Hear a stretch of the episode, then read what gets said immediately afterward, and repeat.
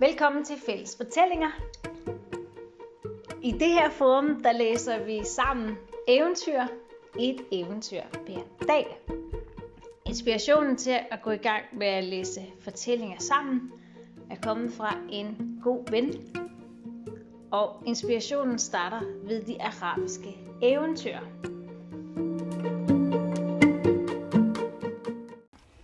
Vi er i gang med at læse historien om Sinbad Søfaren, som er et arabisk eventyr.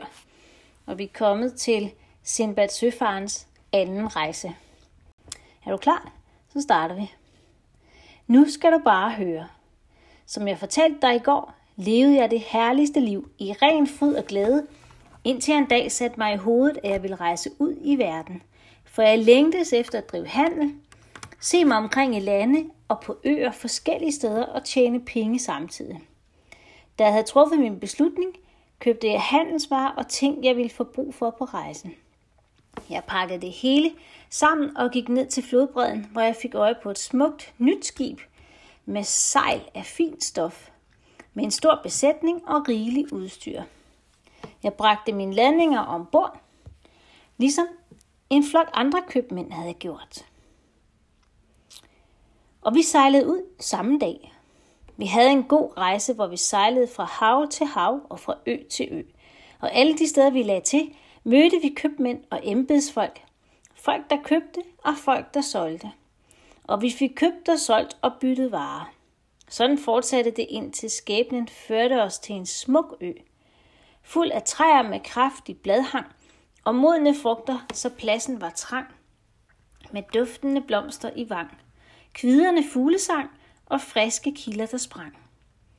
Men der var ingen huse og beboere, øhm, for øen var øde, uden en sjæl, der kunne blæse til et udbrændt bål og få det til at gløde. Vores kaptajn kastede anker ved denne ø, og købmændene og de andre rejsende gik i land for at se sig om og nyde det hele. Jeg gik i land på øen sammen med de andre og satte mig ved et frisk kildevæld, der rislede mellem træerne. Jeg havde taget lidt mad med og sat mig nu til at spise. En blid brise blæste over os på dette sted, og jeg følte mig vel tilpas og døsig. Jeg lagde mig til hvile og faldt i dyb søvn. Da jeg vågnede, var der ingen på øen. Skibet var sejlet bort med de rejsende, uden at nogen af dem havde tænkt på mig. Jeg blev grebet af en desperation så stor, at det ikke kan udtrykkes i ord. Jeg havde ikke engang noget at spise og drikke, og jeg var alene. Jeg mistede modet og opgav håbet om at overleve. Jeg sagde til mig selv, det sker ikke hver gang, at krukken forbliver helt og uskat. Ganske vist slap jeg helskindet fra det første gang, og traf nogen, der kunne tage mig med bort fra øen til beboet egne, men her, nej, det sker ikke igen. Her finder jeg aldrig nogen til at bringe mig til et land, der er beboet. Jeg begyndte at græde og beklage mig selv. Men jeg måtte erkende, at det var min egen skyld. Jeg bebrejdede mig selv for alt, hvad jeg havde gjort. At jeg havde kastet mig ud på en rejse med alle den strabasser, når jeg dog kunne have holdt mig i ro og være blevet hjemme i mit eget land. Glad og tilfreds med fine retter, fine drikkevarer og fine klæder. Jeg havde jo hverken haft behov for penge eller handelsvarer. Til sidst klatrede jeg op i et højt træ og kiggede mig omkring derop. Men jeg kunne kun se himmel og vand. Træer med fugle på land og øens øje med sten og sand. Og dog, da jeg knep øjnene sammen, skimtede jeg en stor hvid genstand på øen. Jeg kravlede ned fra træet og blev ved med at gå til om sider noget stedet. Det viste sig at være en stor hvid kuppel, og jeg gik hen til den og rundt om den, men fandt ikke nogen indgang. Og jeg havde ikke kræfter og smidighed til at klatre op ad den, for den var meget glat. Dagen var ved at være gået til ende, og solen ved at gå ned. Og mens jeg stod og grundede over, hvordan jeg skulle bære mig ad med at komme ind i kuplen, forsvandt solen pludselig. Det blev mørkt omkring mig, og jeg troede en sky var gået for solen. Men så løftede jeg hovedet for at se, hvad det var. Jeg så en fugl med et kæmpe stor krop og et mægtigt vingefang kom flyvende gennem luften. Og den Og det var den, den, der havde dækket for solen og lagt hele øen i mørke. Jeg kom så i tanke om noget, jeg havde hørt fra omvandrende folk og rejsende. Jeg havde hørt, at der skulle leve en fugl med en kæmpe kæmpemæssig skikkelse på en af øerne. Den hed Rock og madede sine unger med elefanter. Jeg var nu overbevist om, at den kuppel, jeg havde set, måtte være et af Roks æg. Mens jeg stod sådan, slog fuglen sig ned oven på kuplen, bredte vingerne ud over den, strakte benene ud på jorden bag sig og faldt i søvn. Nu begyndte jeg at vikle turbanen af mit hoved. Jeg snodede den, så den blev ligesom et reb, fastgjorde den om livet og bandt mig fast til fuglens ben. Jeg sørgede for at være godt og solidt bundet fast og sagde til mig selv, måske springer den mig til beboede egne, og det er bedre end at blive siddende her på øen. Jeg holdt mig vågen den nat af frygt for, at fuglen, uden at bemærke det, skulle flyve, flyve med mig, mens jeg sov. Næste morgen rejste fuglen sig fra sit æg. Den udstødte et højt skrig og lettede med mig. Den svingede sig op i luften højere og højere, så jeg til sidst troede, den ville nå himlens skyer. Men noget efter begyndte den at dale og fik mig ned på jorden igen. I det den dog landede på et meget højt sted. Så snart jeg havde fået fast grund under fødderne, begyndte jeg at løsne rebet om dens ben, for jeg var bange for den. Den vidste ikke, jeg var der, og havde slet ikke lagt mærke til mig. Med rystende hænder fik jeg bundet min turban op og gjort mig fri af dens ben, og så kom jeg af vejen. Fuglen satte kløerne i noget på jorden og fløj op mod himlens skyer med det. Da jeg så nærmere efter, viste det sig at være en kæmpestor og tyk slange, den havde taget. Og nu fløj den afsted med den i retning af havet. Nu begyndte jeg at vandre rundt på det sted, hvor jeg var, og opdagede, at jeg befandt mig på et højt liggende plateau med en lang, bred og dyb udtørret flod nedenfor, og et vældigt bjerg til den anden side. Det tordnede sig op i luften og var så højt, at man ikke kunne skimte toppen af det, og ingen var i stand til at bestige det. Jeg bebrejdede mig selv, hvad jeg havde gjort. Gid, jeg var blevet på øen, udbrød jeg. Det var trods alt bedre end dette øde sted. For på øen var der forskellige frugter, jeg kunne få noget at spise, og jeg kunne drikke af kilderne, der var der. Her er der hverken træer, frugter eller kilder. Hver gang jeg er undsluppet en ulykke, bliver jeg ramt af noget, der er endnu værre. Jeg rejste mig, samlede alt mit mod og gik ned i den udtørrede flod. Her så jeg, at der lå diamanter på jorden. Der var kryb og slanger alle vegne, hver og en så lang som en palmestamme, og så tyk, at den kunne sluge en elefant. Slangerne her kom frem om natten, men holdt sig skjult om dagen, fordi de var bange for fuglen rok, eller en ørn, som kunne bortføre dem og flå dem i stykker. Dagen var ved at være til ende, og jeg gik rundt og ledte efter et sted, hvor jeg kunne tilbringe natten.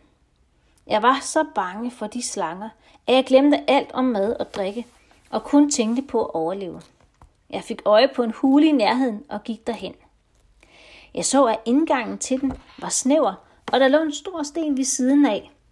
Så jeg kryb ind, skubbede stenen for og fik lukket indgangen til hulen. Jeg kiggede mig omkring ind i hulen, og pludselig fik jeg øje på en mægtig slange, der lå og sov på sine æg for enden af hulen. Jeg rystede over hele kroppen og lukkede ikke et øje hele natten. Og så snart daggrødet brød frem, og det begyndte at lysne, fjernede jeg stenen, der lukkede hulens indgang og kryb ud. Jeg dinglede som en fuld mand af søvnmangel, sult og redsel.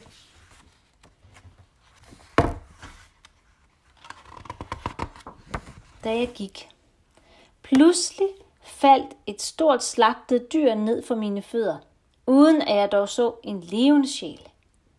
Jeg undrede mig, men kom så i tanke om en historie, jeg engang havde hørt fra nogle købmænd.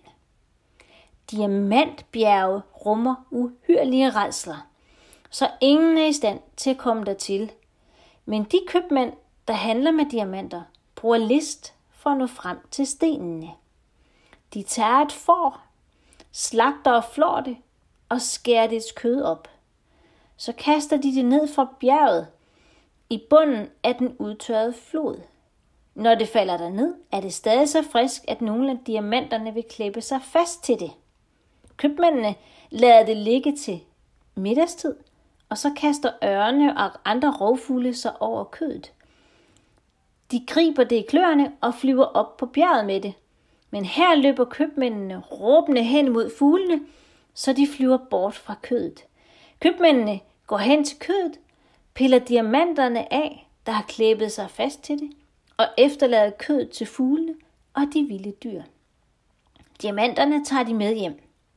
Kun ved hjælp af denne list kan man komme til diamantstenene. Da jeg så det nyslagtede dyr, kom jeg i tanke om denne historie. Jeg gik hen til dyret, pillede en masse af diamanterne af det og stak dem i min brystlomme. Jeg blev ved med at pille diamanter af og gemme dem i lommerne, bag bæltet, i turbanden og mellem mine ting. Og mens jeg var i gang med dette, faldt endnu et stort nyslagtet dyr ned. Jeg bandt mig fast til det med min turban, lagde mig på ryggen, anbragte dyret på mit bryst og holdt godt fast i det, så det ragede højt op fra jorden. Pludselig dalede en ørn ned over dyret, slog kløerne i det og steg til værs med det, mens jeg klyngede mig til det. Ørnen fløj afsted, til den var kommet højt op på bjerget. Her landede den og skulle lige til at flå i sit bytte. Så lød der en forfærdelig larm og skrigen bag ørnen, og lyden af træ, der blev banket mod klippens sider. Ørnen blev bange og fløj forskrækket til værs. Jeg gjorde mig fri af det nyslagtede dyr og stillede mig ved siden af det med tøjet sølet ind i blodet. Nu kom den købmand, der havde råbt af ørnen. Han gik hen til det døde dyr og vendte det om på alle sider, uden at finde noget på den. Han udstødte et højt skrig og råbte, det lykkedes ikke. Ak, der er ingen diamanter. Han slog hænderne sammen i fortvivlelse og udbrød, Ak, gud ved, hvordan kan det nu være? Så trådte jeg hen til ham. Hvem er du? spurgte han. Hvorfor er du kommet hertil? Du skal ikke være bange, sagde jeg. Frygt ikke. Jeg er et menneske, og endda et af de bedste, for jeg er også købmand. Jeg har mange diamanter på mig, og jeg vil give dig så mange, at du bliver glad. Hver eneste af de diamanter, jeg har hos mig, er smukkere end nogen anden, du ville få. Du skal ikke være bange. Så takkede manden mig og begyndte at tale med mig. De andre købmænd, der hver især havde kastet et nyslagtet dyr ned, hørte mig snakke med deres kammerat og kom hen til mig. Jeg fortalte dem hele min historie og berettede om, hvad jeg havde måtte udholde på min rejse. Derpå gav jeg ejeren af det slagtede dyr nogle af mine diamanter. Alle købmændene sagde, før dig er ingen nogensinde kommet til det sted og sluppet helskinnet derfra. De tilbragte natten på et dejligt og trygt sted, og jeg sov sammen med dem, grænseløst lykkelig over at være i god behold. Da dagen brød frem, stod vi op og rejste videre til vi nåede en have på en stor smuk ø. Jeg havde jo taget mange diamantsten med mig fra den udtørrede flod, og i bytte for dem gav folk mig varer og ting og sager, mens andre betalte mig en, en dihan og dinar. Jeg rejste videre med købmændene og fik derved set mig omkring i verden, indtil vi kom til byen Basra, og til sidst nåede jeg byen Bagdad. Da jeg var blevet genforenet med min familie, skænkede jeg diamanter til dem og mine venner. Jeg begyndte igen at spise godt, drikke fine vine og klæde mig flot. Jeg glemte helt de trængsler, jeg havde måtte udstå. Jeg levede nu et lykkeligt og ubekymret liv let om hjertet og med sang og spil. Det var enden på historien om mine oplevelser og alt, hvad der hentede mig på min anden rejse.